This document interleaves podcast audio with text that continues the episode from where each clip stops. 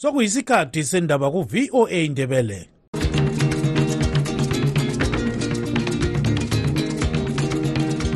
amatshono zihlobo siyalamukela kuhlelo lwethu lwezindaba eziphathelane lezimbabwe. Kustudio 7 eya voice of america sisakaza sisewashington dc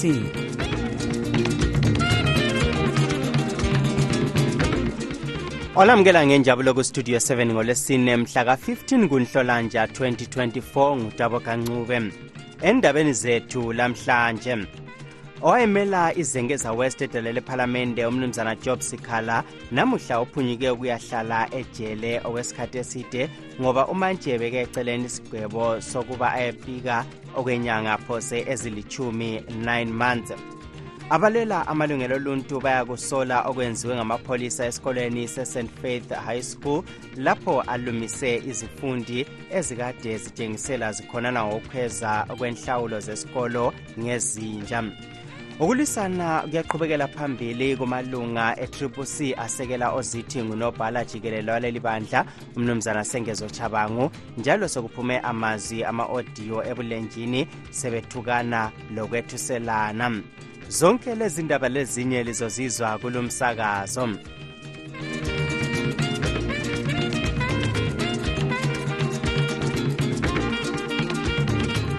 owayemela izengeza west edalela ephalamende umnumzana job sikhala namuhla uphunyuke ukuyahlala njalo ejele ngoba umantshi ebeke eceleni isigwebo sokuba ayepika okwenyanga phose ezilithumi 9 months phezu kokubekwa eceleni kwaleso sikhathi sokuya entolongweni usikhala uphinde wahlawuliswa amadola emelika angamakhulu amahlanu i-500 dollars.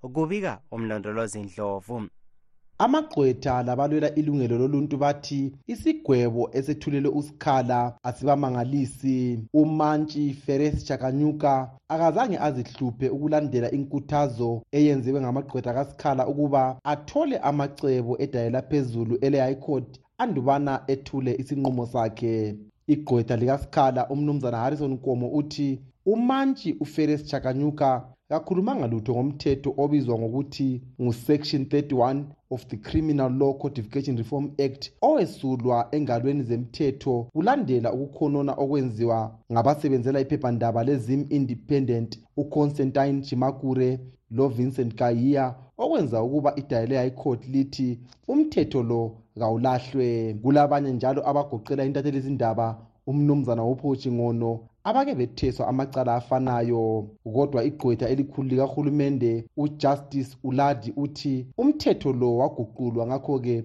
kulungile okwenziwe lidale likamantshi. Unkomo uyakwala lokhu.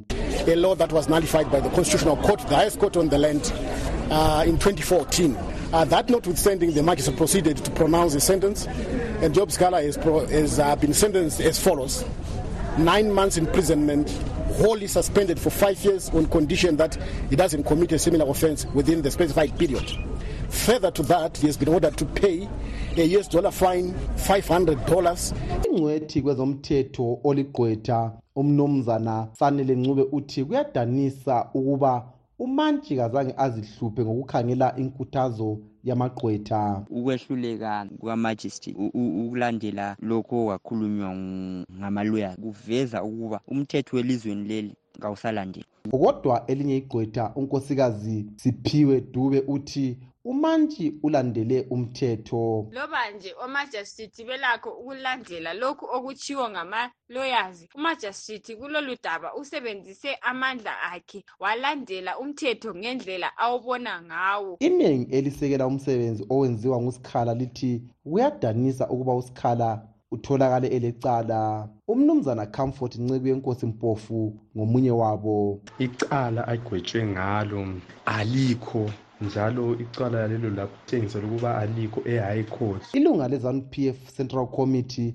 umnumzana mabutho moyo uthi udaba lukasikhala alulani lebandla lakhe. Lapho inkantolo ingakhipha amaqiniso abangavumelani lawo sokuthiwa yizanu p f ethe hhayi lokho nje ibandla lezanu p f c kujwayele asonto esingatshona siziginqisa ngayo kumbe sithi sichithe isikhathi. Lokhu kusekelwe ngumnumzana ziyambi ziyambi umphathintambo wezemthetho kuhulumende wezimbabwe. Ngimele istudio 7 ngiseharare ngimlondolozi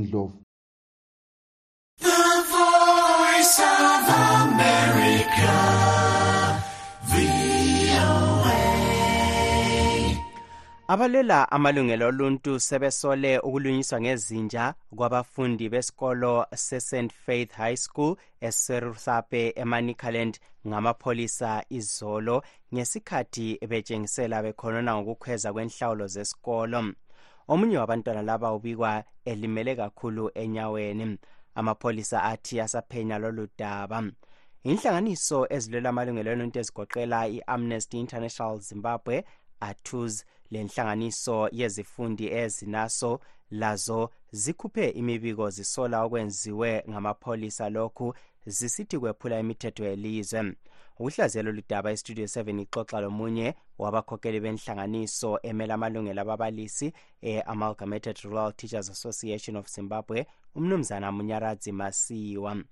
Yinto engani iyasikhathaza nxa sikhangela ukuthi amapholisa asebenzela uhulumende bayekela izinja zisiyaluma abantwana esikolweni. Abantwana laba kababanganga umsindo bebengekho violence. Abantwana laba bebetshengisela ukuthi hayi akuhambi kahle lapha esikolo. Siyacela ukuthi imali zama-school fees ziyesihlwe njengoba bona abazali babo bengakwanisi ukubhadala imali lezi. Ye sikhangela ilungelo labantwana eh elokutshengisela kanye lelungelo lokuthi bathole imfundo. Lokhu kutshoni konke lokho kwenzakalayo lokhu kuyatshengisela ukuthi silabantu kuhulumende abangela abantwana abafunda ezimbabwe.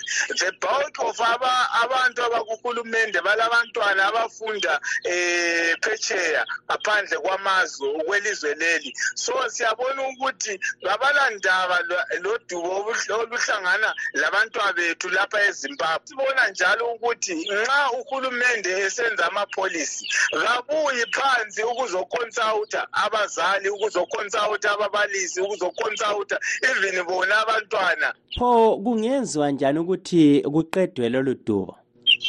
Lolu dubo luqedwa nxa kungaba le-political will eh kuhulumende. Uhulumende engahlala phansi ethi eh siphambanisa lokhu lalokhu lalokhu singakulungisa njani? Egenuine. Uhulumende engabuya kuzoconsulta ukuzobuza ababalisi ukuzobuza abazali ukuzobuza abantwana ukuthi lifuna imfundo enjani? Lifuna ukufundiswa njani? Lifuna ukufundisa njani lina matitsha eh, singaqeda udubo nxa kungaba le-consultation eh, phakathi kwethu. Umnumzana mnyaradzi masiwa ngowenhlanganiso yababalisi e-amalgamated rural teachers association of zimbabwe limuzwe exoxa ecingweni lestudio 7 eseharare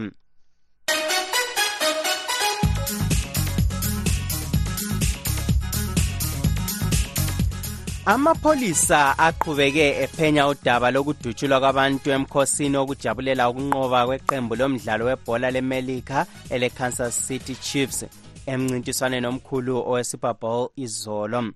Kulomuntu oyedwa ofileyo kwalimala abangamachumi amabili kulesi sehlakalo. Kubotshwe abathathu kodwa injongo yokudutshulwa kwabantu lokhu ayikaziwa okuyikho okudingwa ngamapholisa.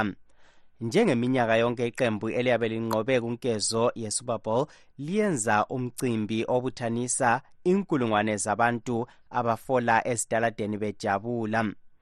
Kodwa ngolwesibili imfanekiso yamavidiyo itshengise abantu abanengi bebaleka kuxokozela ngemva kokukhala kombhobho.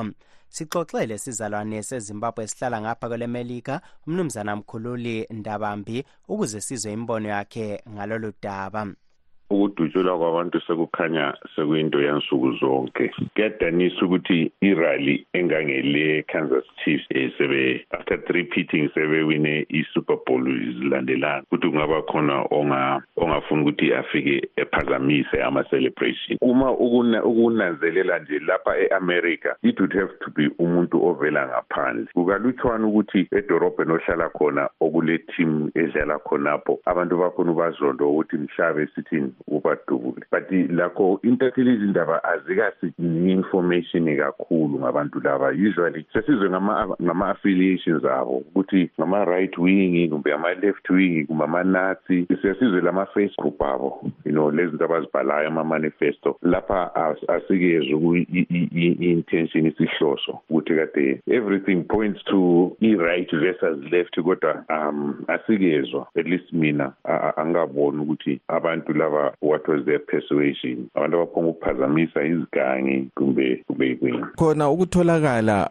kwezibhamu. Ukubona njani njengoba sisizwa kuthiwa umuntu uyenelisa lokuthi athenge umbhobho ku-internet? Isibhamu sigcwele la e-america. Isibhamu sinjengemota. Um i-gun industry lapha e-america is too big and too powerful. Eh umuntu nguye ophakamisa isibhamu adubule. We've heard that abantu bethi but then why kusiba khona? Eh kuyafana lathi ekhaya labantu abasibusayo kule uhulumende kodwa kabayenzi kuhle you know um it's it's what umuntu does. Uh, there's a saying uh, it's it's better to have it and not need it than need it and not have it. Uh, is one of those things othi mhla sifuneka umuntu esekugqekezela uzasifuna khona lapho those two seconds. Eh laba abayizigangi hayi siyababona ukuthi bayizigangi but i-gun culture in america is just uh, too ingrained ukuthi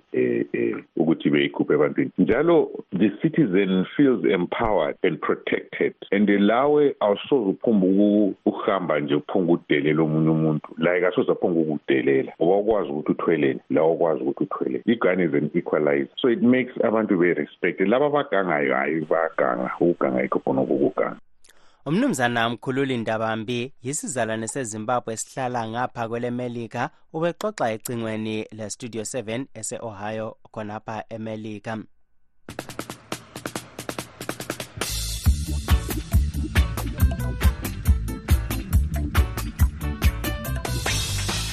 Ukulwisana kuyaqhubeka kumalunga e-triple c asekela uzithi ngunobhala jikelele waleli bandla umnumzana sengezo chabangu njalo sekuphume amazwi ama-odiyo ebulenjini sebethukana lokwethuselana ikakhulu ngoluhlu lwamabizo alabo abakhethiweyo ukuthi babe ngamalunga edala lephalamende lesenate ababekulezi zikhundla baxotshiswa ngumnumzana chabango ukuhlaziya lolu daba usithandekile mhlanga westudio 7 ukuxoxa legqwetha likamnumzana chabango umnumzana nqobani sithole endaweni lonkosazana soneni moyo othi kwakufanele angene ephalamende njalo ongomunye ozwakala esola abanye kuma-odiyo la. Nguye osungula lingxoxo. Engisolayo yikuthi sekuyenziwe ngendlela ekade sisola ngayo uchanisa otherwise uchanisa engxenye ukwengcono kakhulu. Um laba sebeyenze okudlulisileyo bazenzela ngendlela abafuna ngayo. Bangasiconsulti lathi njengama-double candidate. Um bangaconsulti u-chairperson um kungabazidicayidela ukuzenzela bodwa. Mnumzana sithole ungathini ngamabizo la matsha akhethiweyo i believe ukuthi when izinto lezi ziqalisa eh kade kulama-consultations akade esenziwa of course ama-consultations lawa angabe engayincludanga yena umama njengoba esitsho. Kodwa kulama-consultations ayenziweyo um kulezinqumo ezenziweyo um ama-decisions la asebuyile abuye as a result of u-interim uh, secretary general we-triple c econsultile ku-triple c kwafakwa amabizo wona lawo um going forward i think lami njengo-advisor in the legal fraternity ngabe ngisithi bayi-includeni osoneni ngokuya kwesikhathi because it must be a collective decision eyabantu bonke. Ungasitshela mnumzana sithole ngoluhlu lwamabizo olwaqalisayo ukuphuma lolwesibili. Ngingeke ngawazi wonke ngokuma kwawo as, as i speak right now. Eh kodwa engikwaziyo ukuthi wona lana ama- amabizo akula mabizo atshintshwayo and uh, from the instructions that i got ukuthi amabizo wona lawa ayevele khona yiwo ahambayo kodwa kwazokuba labanye abantu abacabanga ukuthi kufuze babe mbaxambili batholakale bekwenye indawo njalo bekwenye indawo. Um labo yibo engikwaziyo ukuthi kwazokuba le-consultation futhi. Eh, amabizo lawa abiswa ehhofisini ukuthi yikho lokho sokuthetha indawo? Is it legal ukuthi kuhambe ngendlela yona leyo um sakubona kufanele ukuthi hhayi nxa umuntu embaqambili um ungakubamba uthini? Akula ngenye indlela. Kufuze kube yikhona okho kukhona nkosazana moyo uyamuzwa lapha umnumzana sithole. Ungathini ngakutshoyo bona kutsho bazenzela bebodwa um thina sasingasatshelwa lutho. Okwamalisti engikhumbulayo ukuthi amalisti ayihambile kwakulamalisti ayi-two amalisti engu-two azange sibe kwazi ukuthi eyinye ye-two yangikhona yiphi. Sikhone sikuzwa-ke sekuphuma-ke kugazethi nge-friday ukuthi hhayi yibo laba bantu aba- abakhethiweyo kusho ukuthi bona bezikhetha bebodwa thina singazi lutho. Mnumzana sithole kambe ukuthi ngabe kulungiswa njani? Lokho um ibandla liyabuya um lizakhuluma ngendlela okufuze libanjwe ngayo. Umama kangeke acomplaine just because yena utholakale sephandle or uzitholakale kasaconsultwanga she must be part of the leadership. She must be part of the decision making. Yinto okucomplainwa ngayo. Okwenza ukuthi kube le nto yonke le esisenzakala ukuthi kwaba le-leadership vacuum ku-triple c isile sokuyi-cult so to speak.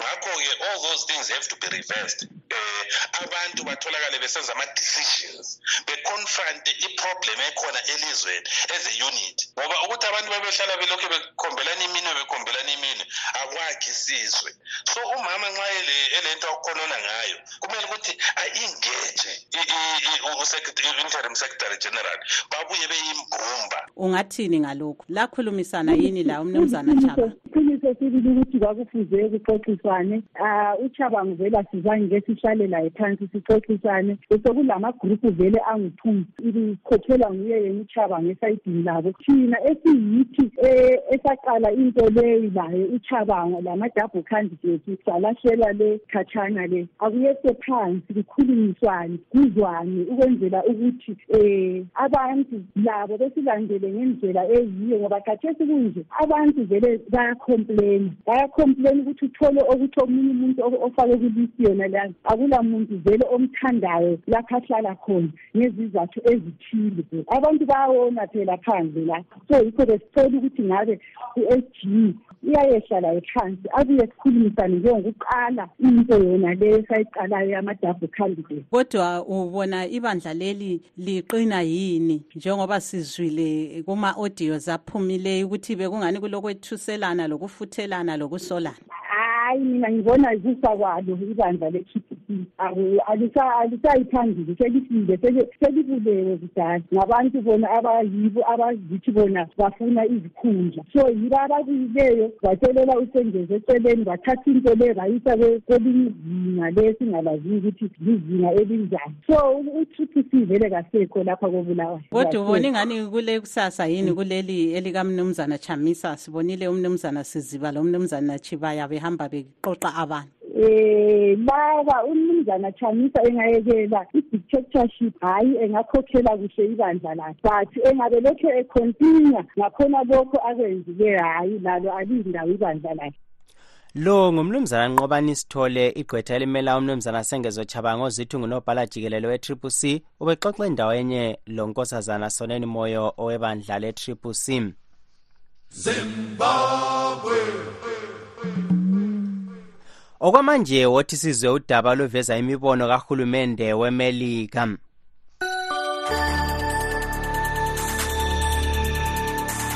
I-united states ikhangelele ukwamukela abangane bayo bomanyano we-nato ewashington ngesikhathi sehlobo.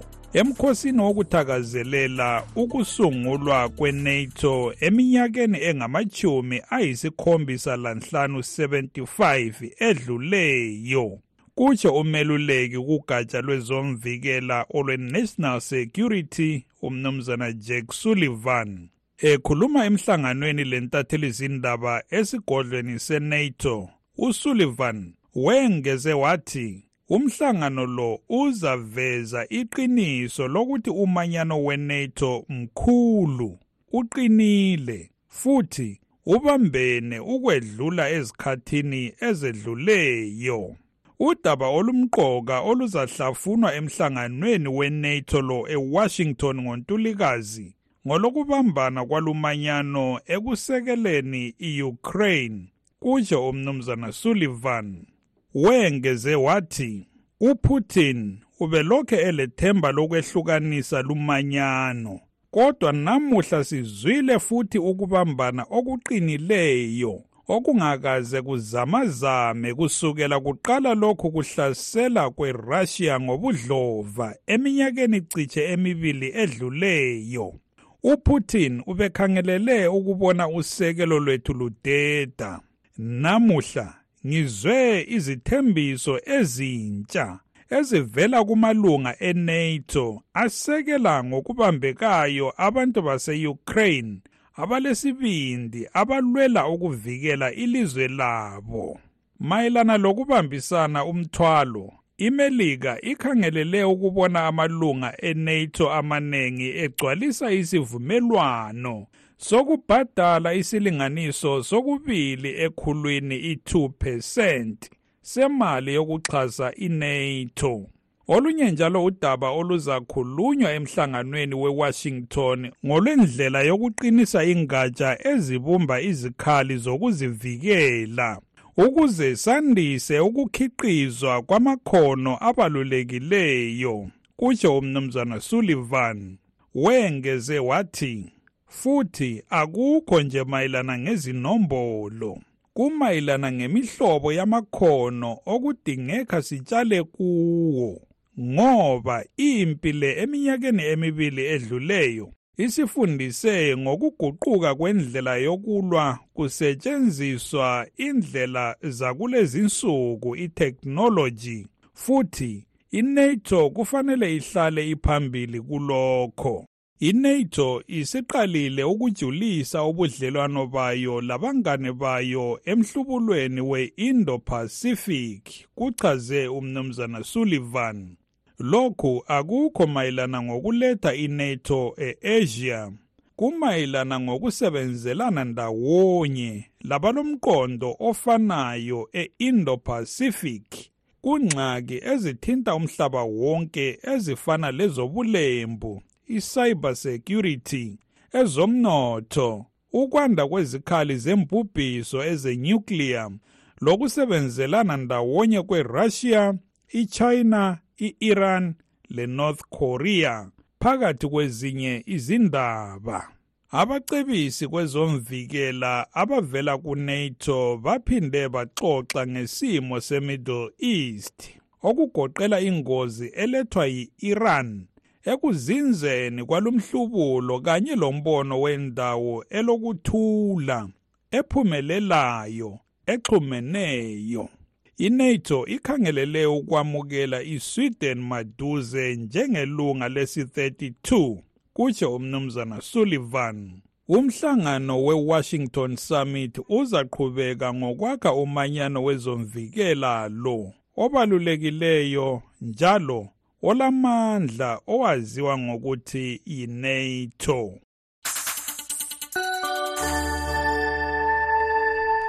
Belilalele udaba oluveza imibono kahulumende wemelika.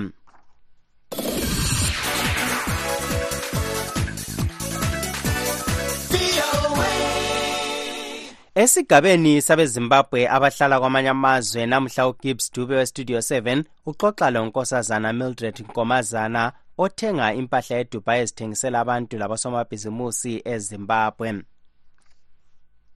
Lapho kuyasebenzeka khona ma usabambile sizothi kuyasebenzeka kodwa akuyona indawo ukuthi ungazitshela ukuthi uzosebenza nomtshela angeke ngize ngisho. Kuyakumele ukuthi nje ma ukuthi ithuba mhlawumbe likuvumela lasepoketheni kuvuma kuyakube yikuhlakanipha ukuthi ube khona kube khona into oyenzayo eceleni o ma ukuthi uyabubona ukuthi hhayi vele ngenelisi njengoba ngiye ngabonisa laphana insimbi zemoto ukuthi uyakwazi ukuzithenga lapha uzihambise ekhaya. Ma ungakwazi ukuthi uvule indawo enjalo yokuthengisa uvule ibhutiki yempahla nawe uyakwazi ukuthi uphile ngoba yindlela abantu abaphila ngayo. Silokuthola iy'celo zokuthi sifuna amaphefyumu angaphi amaphefyumu futhi siyawathola bese sithumelele. Amafoni ama-refurbished ifoni ma ukuthi bekhona abawafunayo siyabathengela futhi sithumelele. Ama-laptop brand new and refurbished nakhona yizinto engizenzayo ma ngitholile umuntu othi uyakufuna ngiyathenga ngiyenza isiqiniseko sokuthi umuntu ukutholile kumbe zinwele zona lezi ama-brazilian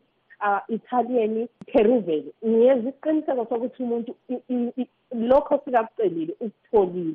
Kuye kwafika ezandleni zakhe ngoba kusuke kuyimali yakhe. Ngingasho ukuthi sengile minyaka ngiqale ngo-twenty twenty ngisathengela abangani ngisathenge ma ngiye ekhaya ngiphathela abangani ma ngiye ekhaya ngiphathela abangani. Kwaya ngaze ngaya ngabona ukuthi ah ngiyabe ngibathola abanye abantu ithi ngiqalise ukuthi ngithi ngathola mhlawumbe ihlanzana labantu bese ngiyahlanganisa sengifaka kukorea bese ngithumelele ekhaya um sizokuthiwa kade sikulabanye abafuna ama-t-shirts amaningi kakhulu. Usitshela ngamafitshanga lokho.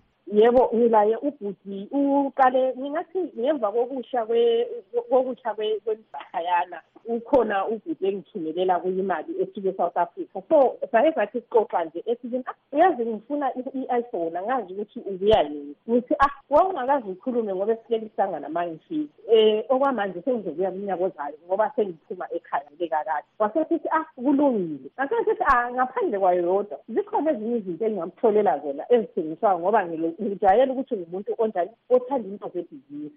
Wasesithi ah yazi ibhizinisi yilize lesibongo sami. Wasethi hayi ngizokuxhumanisa-ke labanye njengoba imsize manje kwatsha ngike ngikuxhumanise labanye mhlawumbe sebengakhona ukuthi bezame ukuthi bekhompere izinto eziphume e-south africa bhotwana keziphuma ngapho babone ukuthi ikhwalithi njani yikho-ke ukuthola kwami ubhuti yena loyo ofake i-ota bekuhambe benilempahla elezihambile ezinye zazisiye echinoyi kulo munye ukuthi olesitolo lapho uthengisa impahla so lami ngase ngifake zami abo-handbag nezinye nje izinto ezimbalwa nje ezazikhona ngase ngithumelele zithe zifika wasengifakela umeseji ukuthi akula yini into oyithumelileyo yokuthengisa ngathi yebo ingabi kukhona izikipa zikhona. Wasesithi zikuthi ngamlayela wahamba wazithatha hayi kusho ukuthi wazithanda. So ngemva kokuthi athengise lezi wasesithi ah ngibone ngathi sokumele ukuthi yinjani sivele sisebenzisane. Kube lamasamasheti engiwathumeleyo ngomunye laye ubhuti futhi naye ngwakithi kule sitolo edolobheni phakathi kobulawayo. Unkosazana mildred nkomazana ngothenga impahla kwele united arab emirates ezithengisela osomabhizimusi labanye abantu kwele zimbabwe ubexoxa logibbs dube westudio 7 esedubai.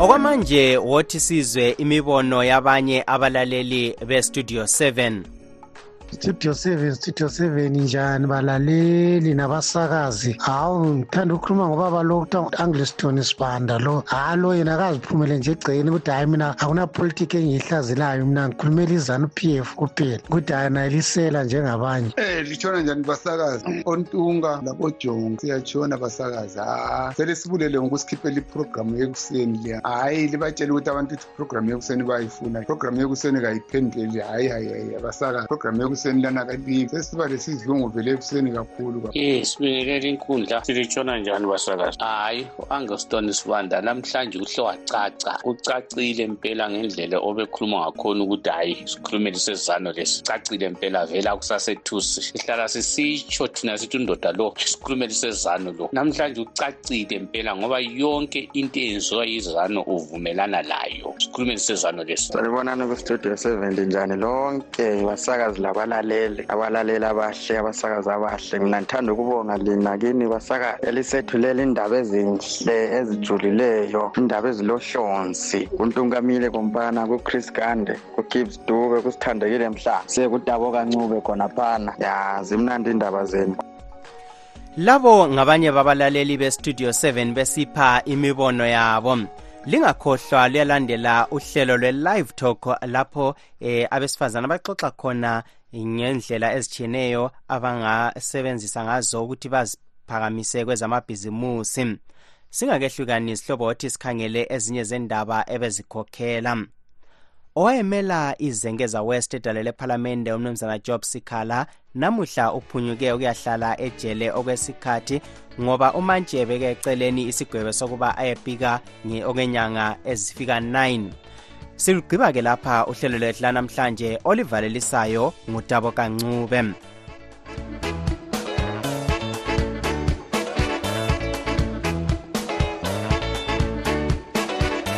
Siyalibonga ngokulalela kwenu. Asibeke ithuba elifanayo kusasa kustudio 7 kusukela ngo-half past 7 kusiya ku-8 o'clock ntambama kuhlelo lwezindaba zezimbabwe.